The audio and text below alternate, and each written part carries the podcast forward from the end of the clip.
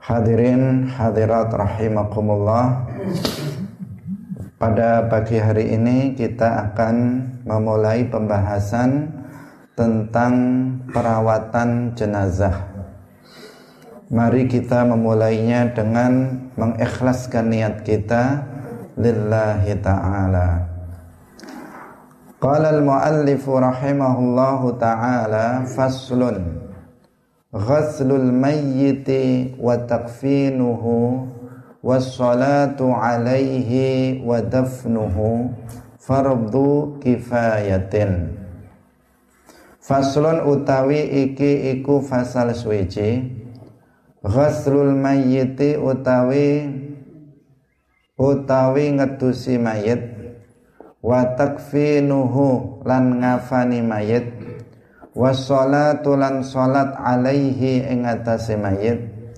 Wa dafnuhu lan mendem mayit iku fardu kifayatin fardu kifayah.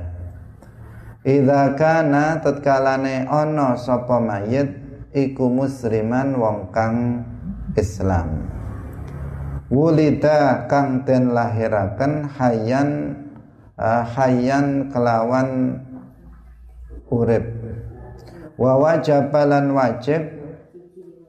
Wa wajabalan wajib li zimmiyin kanggo mayit zimmi apa takfinun apa takfinun buntel utawa ngafani. Wa dafnun lan ngubur. Wali siktin lan maring mayit kang sikat uh, keguguran mayitin kang mati aslun ngedusi wa kafnun lan ngafani wa dafnun lan ngubur. Wala yusalla lan ora den salati alaihi ma ing atase zimmi lan sikten mayyitin. Waman lan utawi wong mata kang mati sapa man fi kita lil kuffari ing dalem merangi pira-pira wong kafir. Bisa babihi kelawan sebab kita lil kuffar kufina mongkoten kafani sapa man fi thiyabihi ing dalem kelambine ing dalem totote man Fa illam takfihi mongko lamun ora nyukupi apa siap ing man zida mongko den tambah alaiha ing atase siabihi. Wa dafnon lan ngubur wala yughassalu lan ora den dusi sapa man mata fi qitalil kuffar wala yusalla lan ora den salati alaihi ing atase man Hadirin hadirat kaum muslimin muslimat pemirsa Madu TV rahimakumullah Ada beberapa kewajiban kita umat Islam terhadap orang yang telah meninggal dunia atau mayit. Nah, kewajibannya yang ini adalah kewajiban wajib kifai. Fardunya fardu kifayah. Artinya wajib dilakukan oleh sebagian muslim dalam daerah tersebut. Kewajibannya ada empat yaitu memandikan mengkafani mensolati dan menguburkan.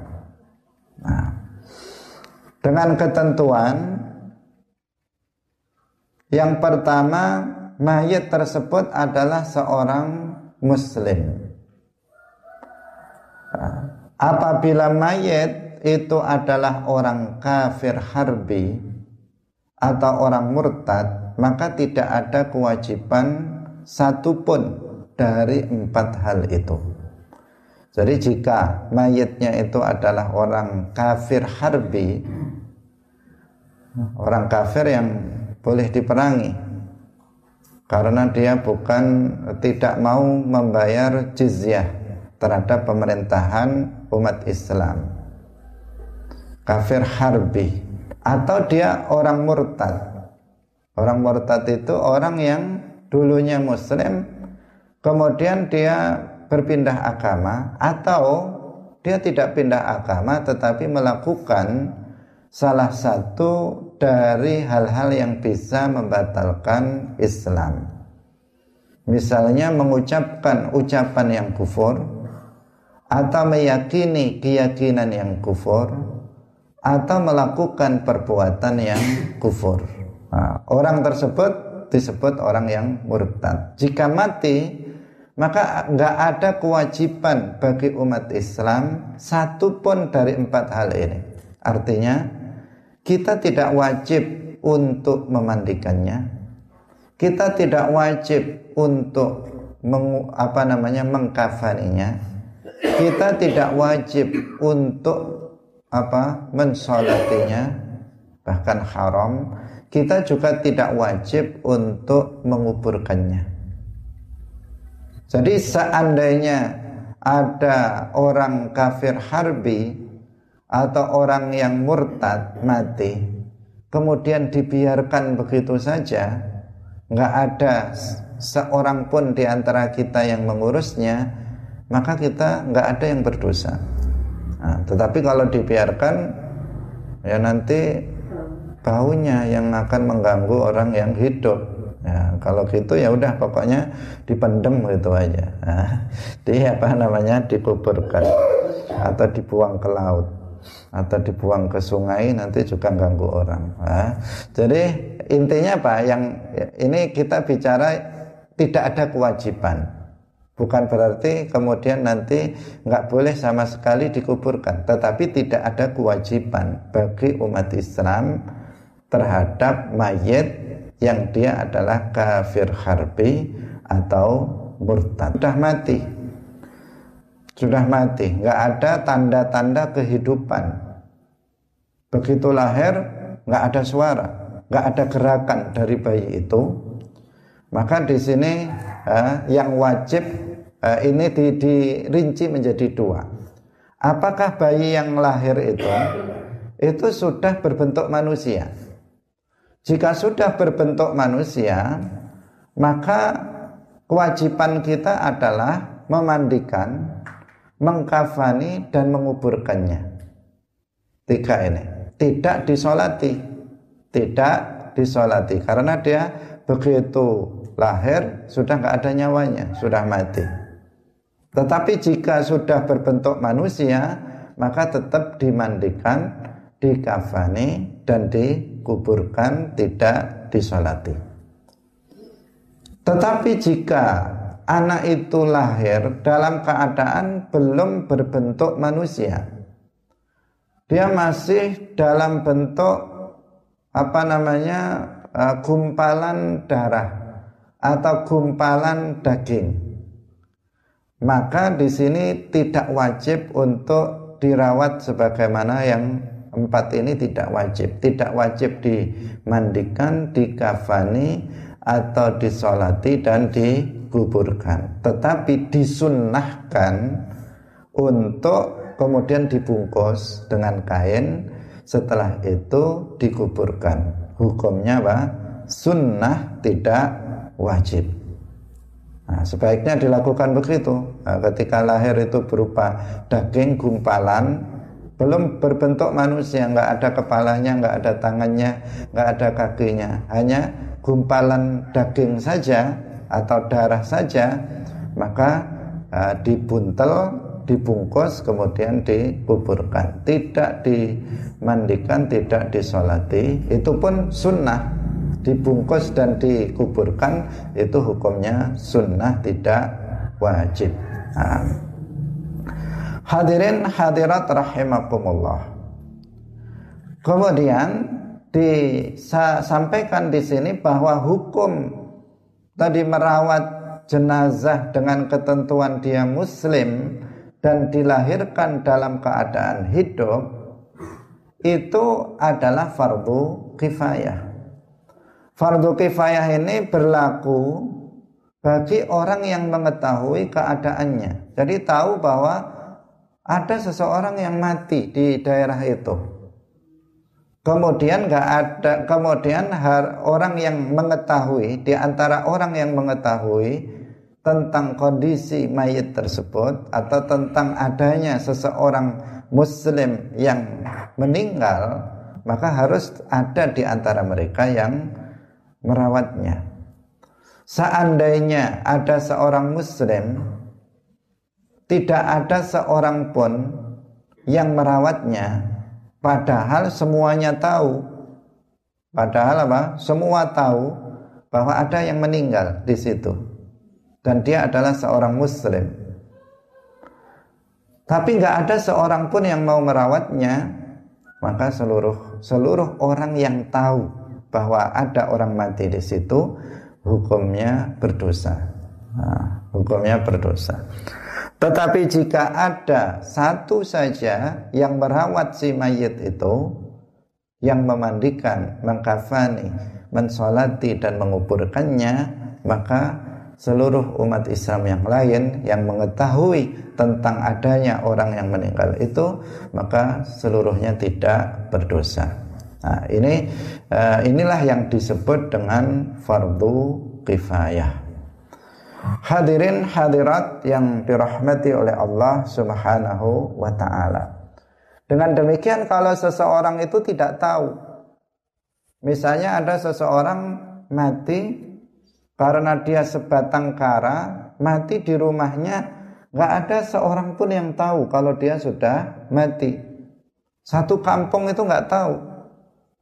Nah, sampai satu minggu misalnya nggak ada orang yang tahu karena memang orang itu jarang keluar rumah jadi dikira ya nggak keluar rumah itu saja tapi ternyata apa dia sudah mati di dalam rumahnya baru ketahuan setelah mengeluarkan bau busuk. Nah, maka di sini ya tidak berdosa. Orang-orang itu tidak berdosa karena apa? Karena nggak mengetahui bahwa dia telah meninggal. Tetapi jika seseorang atau seseorang sudah tahu bahwa si fulan itu meninggal kemudian sengaja dibiarkan sampai membusuk, maka di sini uh, berdosa seluruh Uh, seluruh umat Islam yang mengetahui keadaan atau bahwa si fulan telah mati. Nah, hadirin rahimakumullah. Kemudian di sini yang perlu juga diperhatikan bahwa tadi telah kita sampaikan juga perlu kita tegaskan ulang bahwa orang yang mati dalam keadaan kafir dan bayi yang keguguran dalam kondisi tadi apa? Sudah mati. Nah, dalam kondisi sudah mati lahir sudah mati. Tadi dikatakan apa? La yusalla alaihima. Tidak disolati. Tidak disolati karena dalam sholat jenazah itu terdapat doa permintaan ampunan untuk mayit Allahumma lahu warhamhu wa'afihi wa'fu anhu. Nah, sementara kalau dia dilahirkan dalam keadaan mati, nah dia nggak pernah hidup di dunia ini, maka tidak diperlukan doa Allahumma gfir lahu warhamhu wa'afihi wa'fu anhu. Dan orang kafir, orang yang kafir, baik itu kafir zimmi atau kafir harbi, tidak boleh disolati. Kenapa? Karena orang yang kafir, orang yang mati dalam keadaan kafir itu tidak diampuni dosanya oleh Allah. Allah Subhanahu wa taala telah berfirman di dalam Al-Qur'an, "Innallaha la yaghfiru ay yushraka bihi wa yaghfiru ma duna dzalika liman yasha'." Nah, sesungguhnya Allah itu tidak mengampuni dosa syirik. Wa yaghfiru ma duna dzalika liman yasha dan Allah itu mengampuni dosa di bawah syirik bagi orang yang Allah kehendaki. Jadi Allah sudah menjelaskan di dalam Al-Quran bahwa orang yang mati dalam keadaan kufur, baik itu kufur syirik maupun kufur yang ghairu syirik, itu tidak akan diampuni oleh Allah. Nah, karena mereka itu tidak diampuni oleh Allah, maka nggak boleh kita untuk mendoakannya dengan doa ampunan ataupun rahmat. Jadi kalau ada orang mati, jelas-jelas dia mati dalam keadaan kufur, jelas-jelas dia mati dalam keadaan syirik, maka nggak boleh kita mensolatinya, haram kita untuk mensolatinya. Bahkan kalaupun kita tidak mensolatinya tetapi mendoakan ampunan untuk dia atau rahmat untuk dia setelah nyata bahwa dia mati dalam keadaan kufur itu pun tidak boleh. Gak boleh misalnya kita adakan tahlilan untuk dia misalnya.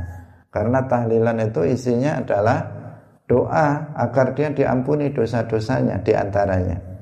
Kemudian juga kita mengirim pahala bacaan Al-Quran dan kalimat thayyibah kepada mayit. Kalau mayitnya itu adalah mayit yang kafir, itu nggak bisa, nggak bisa me, apa namanya uh, mendapatkan manfaat dari hadiah pahala dari umat Islam yang masih hidup. Doa ampunan juga tidak tidak bermanfaat bagi dia doa rahmah juga tidak bermanfaat bagi mayit yang mati dalam keadaan kafir. Jadi kalau sudah nyata orang itu mati dalam keadaan kufur, ya udah disolati saja nggak boleh, apalagi kemudian apa ditahlili. Nah, ini hadirin hadirat rahimakumullah bahwa seseorang yang mati dalam keadaan kufur syirik tadi dalilnya sudah jelas innallaha la yaghfiru ay yushraka bihi wa yaghfiru ma duna dzalika liman yasha. Nah, sedangkan uh, dalil bahwa orang yang mati dalam keadaan kufur ghairu syirik itu tidak diamp, itu juga tidak diampuni oleh Allah adalah firman Allah Subhanahu wa taala innal ladzina kafaru wa saddu an sabilillahi thumma matu wa hum kuffarun falan yaghfirallahu lahum. Nah, sesungguhnya orang-orang kafir yang mereka mencegah orang lain untuk masuk Islam kemudian mereka mati dalam keadaan mereka kafir maka sekali-kali Allah tidak akan mengampuni mereka. Jadi kufur itu ada dua, ada kufur syirik, ada kufur ghairu syirkin. Kufur syirik itu adalah kufur yang mengandung unsur ibadah kepada selain Allah. Misalnya ada seseorang yang dia sujud kepada berhala, sujud kepada matahari, sujud kepada setan, sujud kepada manusia untuk ibadah kepadanya. Maka orang ini berarti telah jatuh kepada kufur yang disebut dengan kufur syirik. Nah, ada yang kedua namanya kufur ghairu syirik yaitu kufur yang enggak tidak mengandung unsur ibadah kepada selain Allah. Tapi ada unsur penghinaan, pelecehan terhadap Allah, terhadap malaikatnya, terhadap para nabinya, terhadap Islam, terhadap syariat Islam, terhadap syiar-syiar Islam, terhadap hukum-hukum Islam. Ada unsur pelecehan itu. Misalnya seseorang dengan sengaja dia menginjak Al-Quran. Maka dia jatuh kepada kufur tetapi tidak ada unsur syiriknya. Nggak ada unsur ibadah kepada selain Allah tapi ada unsur penghinaan terhadap Al-Quran. Misalnya seseorang dengan lisannya mengatakan dia mengatakan dengan lisannya Allah itu zalim. Atau dia mengatakan sesuatu ini terjadi tanpa dengan kehendak Allah tanpa terjadi dengan takdir Allah. Dia mengucapkan dengan lisannya maka itu juga kufur tapi nggak ada unsur ibadah kepada selain Allah ada unsur pelecehan, ada unsur penghinaan kepada Allah, tetapi tidak ada unsur ibadah kepada selain Allah. Namanya kufur ghairu syirkin. Namun dua-duanya baik kufur syirik maupun kufur ghairu syirkin dua-duanya sama-sama tidak diampuni oleh Allah Subhanahu wa taala bagi orang yang mati dalam keadaan tersebut. Kalau seseorang itu pernah syirik, pernah melakukan kesyirikan, tetapi kemudian dia kembali masuk ke dalam agama Islam dengan mengucapkan dua kalimat syahadat dan mati dalam keadaan muslim, maka dia bisa diampuni oleh Allah Subhanahu wa taala. Jadi orang musyrik tidak diampuni dosanya oleh Allah. Maksudnya apa? Jika dia mati dalam keadaan musyrik. Orang kafir tidak diampuni dosanya oleh Allah. Maksudnya jika dia mati dalam keadaan kafir. Hadirin hadirat rahimakumullah Karena itu kita harus berhati-hati Kita harus berhati-hati terhadap dosa kufur ini Jangan sampai kita meyakini keyakinan yang berisi penghinaan, pelecehan terhadap Allah, Rasulnya, kepada nabinya, para malaikatnya, dan seterusnya yang tadi kita sebutkan.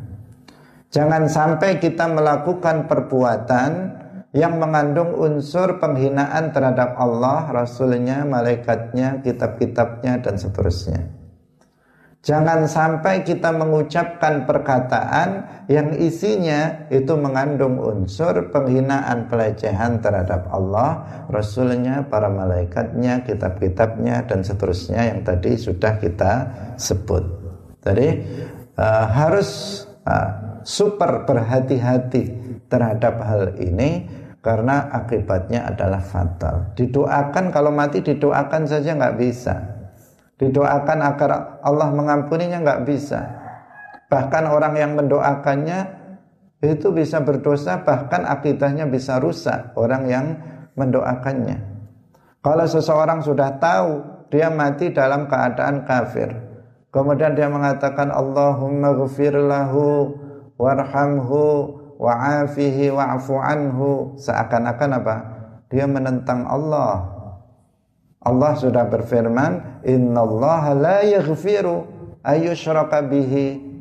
Sementara dia mengatakan seakan-akan dia mengatakan meskipun Allah nggak mengampuninya, maka ya Allah ampunilah dia. Seakan-akan dia seperti itu, menentang Allah. Karena itu nggak boleh jika kita tahu seseorang itu sudah jelas mati dalam keadaan kufur dalam keadaan syirik maka nggak boleh kita untuk mendoakan ampunan untuk dia. Nah, kita jangan juga menyebut misalnya seseorang yang kafir dengan sebutan almarhum. Almarhum itu artinya orang yang dirahmati. Almarhum artinya orang yang dirahmati sementara orang yang mati dalam keadaan kafir itu tidak dirahmati oleh Allah. Maka nggak boleh kita untuk mendoakannya. Nah, dengan doa seperti itu jika dia sudah mati. Tetapi jika orang kafir itu masih hidup maka boleh kita misalnya mendoakannya dengan misalnya semoga Allah memberikan hidayah kepadamu misalnya nah, semoga Allah memberikan rizki kepadamu. Ini boleh doa seperti itu untuk orang kafir yang masih hidup. Nah, tetapi kalau sudah mati maka nggak boleh didoakan dengan doa apa namanya ampunan ataupun rahmat. Karena sudah apa? Sudah pasti dia tidak bisa untuk mendapatkan ampunan ataupun rahmat dari Allah Subhanahu wa taala. Di dunia rahmat Allah diberikan kepada semua orang, baik kafir maupun mukmin. Tetapi di akhirat rahmat Allah hanya untuk orang mukmin saja. Dalam Al-Qur'an ditegaskan wa rahmati wasi'at kulla syai' fasa'aktubuha lilladzina yattaqun. Dan rahmatku di dunia itu itu wasi'at kulla syai' artinya uh, berlaku untuk segala sesuatu. Untuk orang Islam dan juga untuk orang kafir. Semuanya mendapatkan rahmat Allah di dunia ini. Sehingga orang kafir juga badannya sehat. Orang kafir banyak yang rizkinya itu melimpah itu adalah rahmat Allah diberikan juga kepada orang kafir tetapi nanti di dunia eh, di akhirat rahmat Allah hanya untuk orang mukmin saja. Fasa aktubuha lilladzina yattaqun. Ay lilladzina yattaqun al-kufra, orang yang menjaga dirinya dari kekufuran, yakni orang-orang Islam. Rahmat Allah di akhirat hanya untuk orang Islam. Sedangkan orang kafir maka mereka yu'adzabuna fi jahannam mereka diazab di neraka jahannam khalidina fiha abada abadi mereka di dalam neraka dan sedikit pun mereka tidak akan istirahat dari azab Allah Subhanahu wa taala.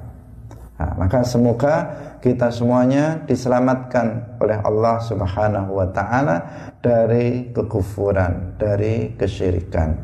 Nah, hadirin hadirat rahimakumullah. Jadi kalau ada seseorang di masyarakat yang dia jelas-jelas mati dalam keadaan kafir, mati dalam keadaan musyrik, mati dalam keadaan misalnya murtad, maka nggak boleh kita mensolatinya. Nah, tidak boleh kita mensolatinya. Juga nggak boleh kita untuk apa tadi mendoakan ampunan dalam tahlil dan semacamnya. Nah, kalau keluarganya minta bagaimana? Ya tetap nggak boleh. Keluarganya minta agar ditahlili, padahal jelas dia mati kafir. Bagaimana? Ya tetap kita nggak boleh. Nah, untuk apa namanya uh, mensolatinya itu sebagai pelajaran bagi yang lain agar berhati-hati Eh, di dalam berkata-kata, di dalam berkeyakinan dan di dalam apa namanya uh, uh, di dalam berbuat. Hmm. Jangan sampai apa namanya jatuh kepada kekufuran atau kesyirikan. Apalagi sudah jelas-jelas orang itu agamanya bukan Islam. Agamanya bukan Islam. Maka nggak boleh kita untuk mensolatinya apalagi kemudian uh, didoakan dengan ampunan karena terkadang ada dia jelas agamanya bukan Islam ketika mati keluarganya minta agar ditahlili misalnya. Lah ini ini karena sudah menjadi tradisi akhirnya uh, dia melakukan yang seperti itu. Lah ini enggak enggak diperbolehkan. Hadirin hadirat rahimakumullah. Kita lanjutkan kembali. Waman mata fi qitalil kuffari bisababihi kuffina fi thiyabihi fa illam takfihi zida 'alaiha wa dafnun wa la yughassalu wa la yusalla alaihi. Sekarang kita bicara tentang syahidul ma'rakah. Orang yang mati dalam peperangan melawan orang kafir. Ini disebut syahid, syahidul ma'rakah, orang yang mati syahid dalam peperangan. Nah, orang yang mati syahid, syahidul ma'rakah itu diperlakukan khusus ketika dia mati. Nah, tentu kriteria orang yang mati eh, yang disebut maka dia adalah muslim kalau dia bukan muslim, maka ya tidak disebut dia mati syahid. meskipun dia misalnya berperang di pihak umat Islam.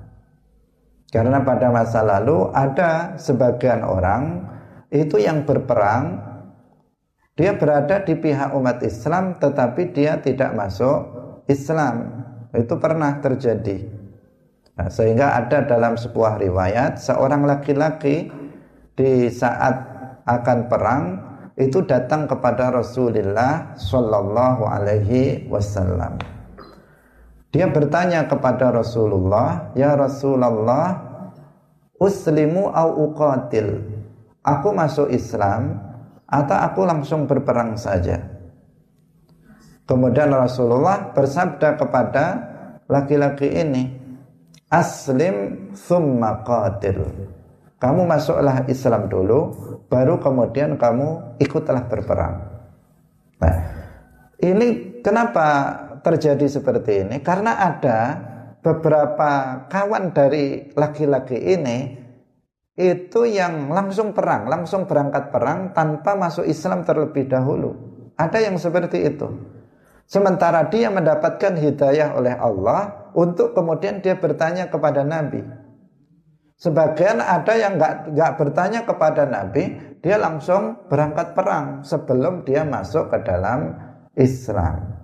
Sementara laki-laki ini dia mendapatkan hidayah dari Allah sehingga terpikir bagi dia untuk bertanya kepada Nabi. Seandainya dia tidak bertanya kepada Nabi, maka dia akan perang dalam keadaan dia belum muslim. Maka laki-laki ini sungguh beruntung dia. Dia bertanya kepada Nabi, "Wahai Rasulullah, saya masuk Islam atau langsung perang?"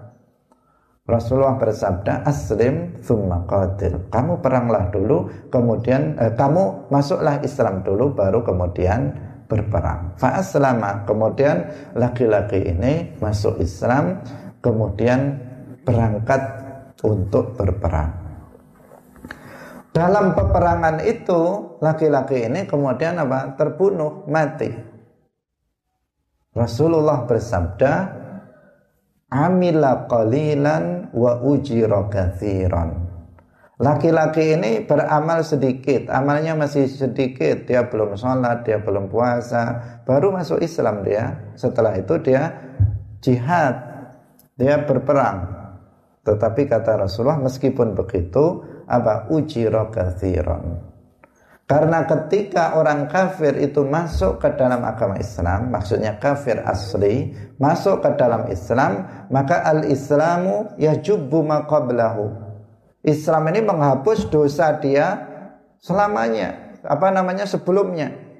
Jadi selama dia misalnya dia umur 60 tahun masuk Islam, maka dosa yang dia lakukan sebelumnya semuanya terhapus. Semuanya diampuni oleh Allah, dia membuka lembaran baru. Begitu dia buka lembaran baru langsung jihad dan mati. Maka Rasulullah mengatakan amila qalilan. Dia masih beramal sedikit tetapi apa? Ujira kathiran. Dia diberikan pahala yang banyak. Kenapa? Karena dia sudah masuk Islam. Seandainya dia tidak masuk Islam dan mati dalam peperangan maka dia tidak disebut syahid Nah, dia tidak disebut syahid. Nah, syahid itu dia syaratnya harus muslim. Kemudian yang kedua, perang melawan orang kafir. Bukan perang melawan sesama muslim karena bertengkar, bermusuhan. Yang ketiga, mati di medan perang. Jadi dia matinya di medan perang itu kemudian mati disebabkan peperangan. Bukan karena apa? Yang lain. Misalnya mati di medan perang tapi karena jantungnya kambuh misalnya belum berhadapan sudah kambuh penyakit jantungnya kemudian mati di medan perang. Tetapi dia matinya bukan karena perang karena penyakit dia itu. Maka dia tidak disebut syahidul ma'rokah tidak disebut syahidul ma'rukah. Hadirin rahimakumullah ini kalau ada orang mati syahid seperti ini maka dia ada perlakuan khusus dalam hal perawatannya. Orang yang mati, sebelumnya orang yang mati syahid, syahidul ma'rokah itu memiliki keutamaan, keistimewaan yang luar biasa. Di antaranya yaitu dia diampuni seluruh dosanya dan dia memperoleh 100 derajat di surga. Yang antara satu derajat dengan derajat lainnya itu jaraknya antara bumi dan langit. Artinya dia memiliki keutamaan yang sangat luar biasa. Karena itu dikatakan bahwa orang yang sudah mati itu tidak ingin hidup lagi kecuali orang yang mati syahid. Orang yang mati syahid itu mereka pengen hidup lagi. Kenapa? ingin perang lagi dan mati lagi, ingin perang lagi dan mati lagi, begitu seterusnya. Kenapa? Karena orang yang mati syahid dia merasakan kenikmatan yang Allah berikan kepada dirinya. Bahkan ruhnya orang yang mati syahid, ruhnya itu langsung masuk ke dalam surga.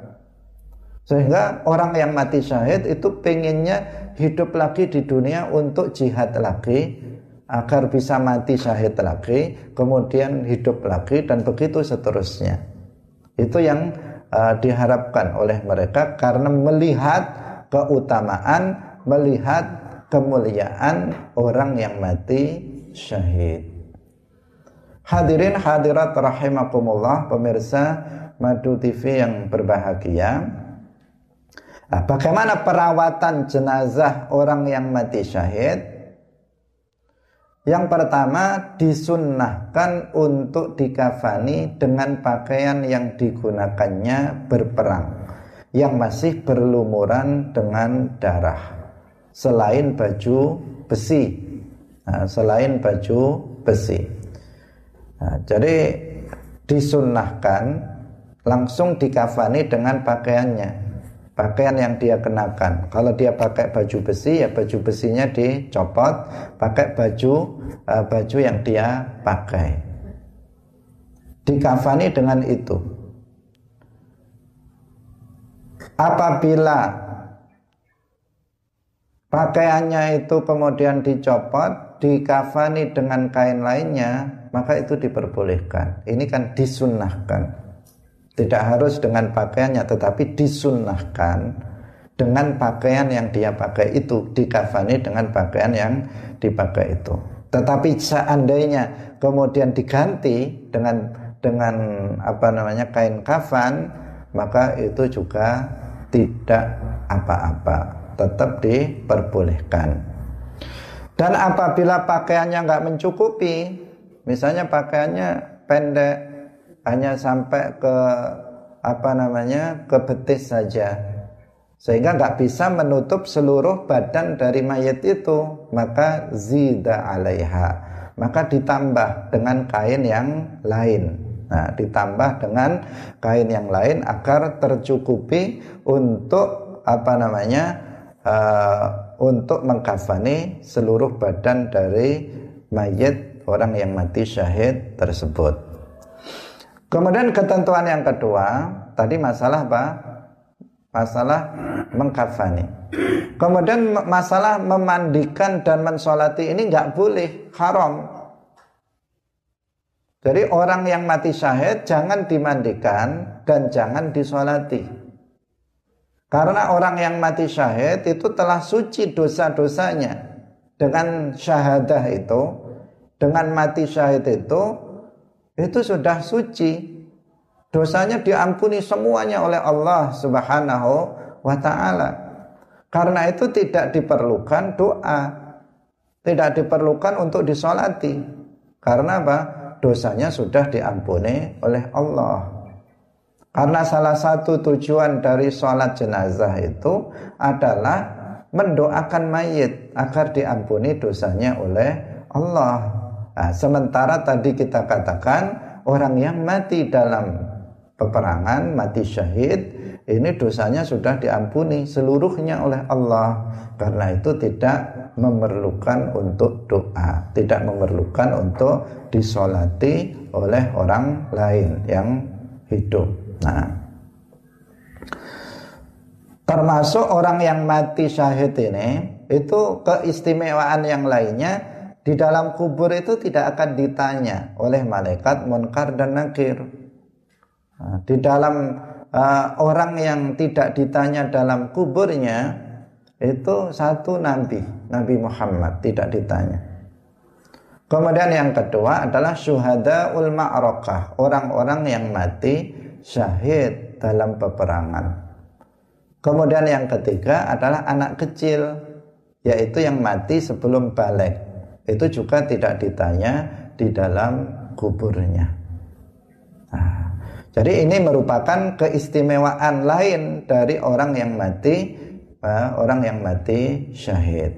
Nah, karena orang yang mati syahid ini tidak ditanya di dalam kuburnya, maka juga tidak perlu untuk ditalkin tidak perlu ditalkin kita ahli sunnah wal jamaah itu meyakini tentang bolehnya talqin. Kalau ada orang sudah mati sudah dikuburkan kemudian ditalkin ditalkin itu diajari si mayit itu untuk menjawab pertanyaan malaikat karena mungkar nakir itu nanti datang bertanya kepadamu begini maka jawablah begini.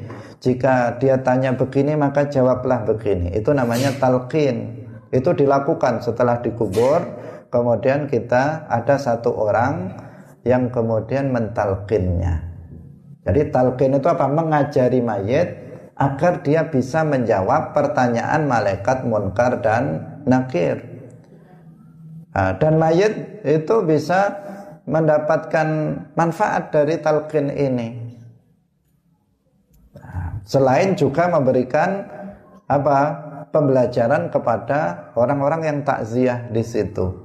Nah, tetapi juga bisa memberikan manfaat kepada si mayit yang telah dikuburkan tersebut. Nah, hadirin rahimakumullah. Keutamaan yang lainnya, orang yang mati syahid itu jasadnya akan tetap utuh. Tidak akan dimakan oleh tanah. Jadi meskipun sudah ratusan tahun orang yang mati syahid, maka jasadnya akan tetap utuh. Kenapa? Karena ruhnya itu masuk ke dalam surga, mendapatkan kenikmatan-kenikmatan surga sehingga jasadnya itu mendapatkan pengaruh dari ruh yang uh, penuh dengan kebahagiaan, kesenangan di dalam surga. Ini berpengaruh kepada jasadnya yang ada di bumi. Sehingga jasad mereka tetap utuh. Nah, ini ini keistimewaan lain dari orang yang apa namanya mati syahid. Nah, karena itu setiap kita itu menginginkan untuk bisa mati syahid. Nah, yaitu apa tadi? Ruhnya langsung masuk ke dalam surga.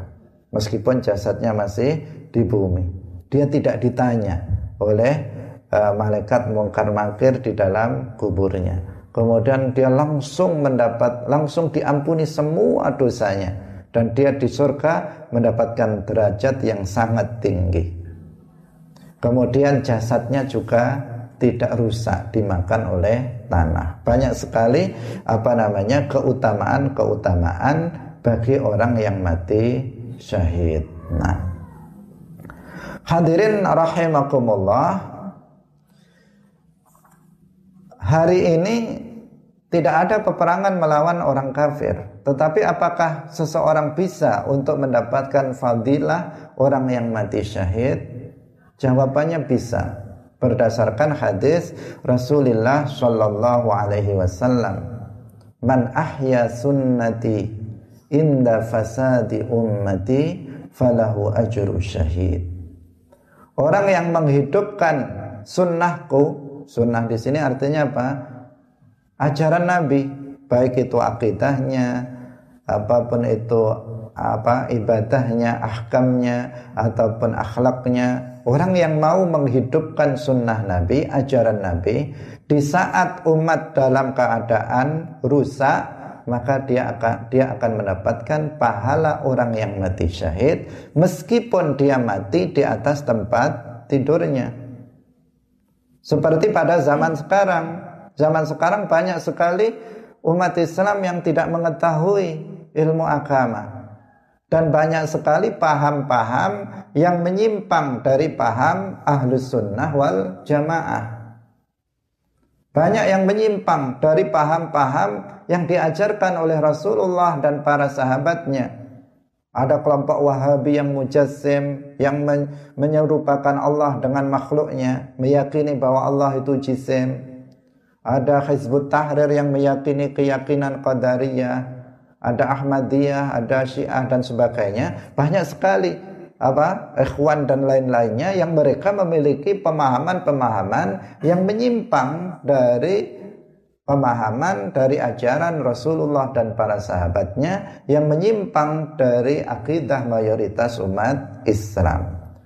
Di saat seperti ini, jika kita jika kita hidup kita itu kita pergunakan untuk memperjuangkan agama Allah, kita gunakan untuk menegakkan akidah Rasulullah dan para sahabatnya, akidah ahli sunnah wal jamaah di tengah-tengah masyarakat yang sedang apa namanya sedang rusak karena banyaknya firqah-firqah yang menyimpang, maka jika dia mati, maka dia akan mendapatkan pahala orang yang mati syahid.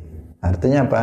Dia di akhirat akan mendapatkan uh, surga yang tadi itu derajatnya uh, apa 100 uh, dera, apa 100 derajat yang setiap derajatnya itu seperti jaraknya antara bumi dan langit. Nah, hadirin hadirat rahimakumullah. Kemudian ada ketentuan lain uh, tentang orang yang mati syahid ini. Uh, bahwa orang yang mati syahid dalam peperangan itu disebabkan perang tadi, bukan dikarenakan yang lain. Itu bagaimana ketentuannya? Misalnya dia dibunuh oleh orang kafir dalam peperangan itu jelas. Jadi senjatanya orang kafir langsung mengenai pada dia sehingga dia mati dengan sebab itu. Atau misalnya dia terbunuh oleh seorang muslim tanpa sengaja. Ada seorang muslim temannya yang uh, me uh, mengayun-ngayunkan pedangnya kena temannya sendiri mati. Nah, itu juga disebut mati syahid. Nah, atau senjata dia sendiri yang mengenai dia karena kembali kepada dia. Saking semangatnya kemudian apa? Senjatanya malah balik ke dia sendiri. Itu juga namanya mati karena peperangan. Itu juga masih disebut syahid atau dia jatuh dari kendaraannya dalam peperangan itu sehingga dia mati. Naik kuda kemudian jatuh dia dari kudanya mati. Dalam peperangan itu itu dia juga namanya mati syahid. Tapi kalau dia bunuh diri di tempat peperangan itu maka dia bukan syahid. Nah, sangit. Nah, kalau dia bunuh diri. Misalnya ada uh, ada seseorang yang kemudian dalam peperangan bunuh diri. Atau seperti sekarang ada orang mendakwakan diri jihad tetapi dia malah uh, ngebom di sana sini dia bunuh diri di situ. Itu bukan syahid namanya. Nah, sangit itu uh, itu apa? Uh, itu harus diwaspadai hal yang seperti itu. Karena pada zaman Nabi itu ada orang yang berperang kemudian mati. Rasulullah mengatakan bahwa dia di neraka. Ternyata apa? Ternyata dia bunuh diri dalam peperangan itu. Nah, entah kenapa, tetapi dia matinya bukan karena Eh, peperangan tetapi karena dia membunuh dirinya sendiri. Hadirin rahimakumullah. Demikian pengajian kita pada pagi hari ini semoga bermanfaat bagi kita semuanya. Barakallahu fikum wallahu muwaffiq ila aqwamit.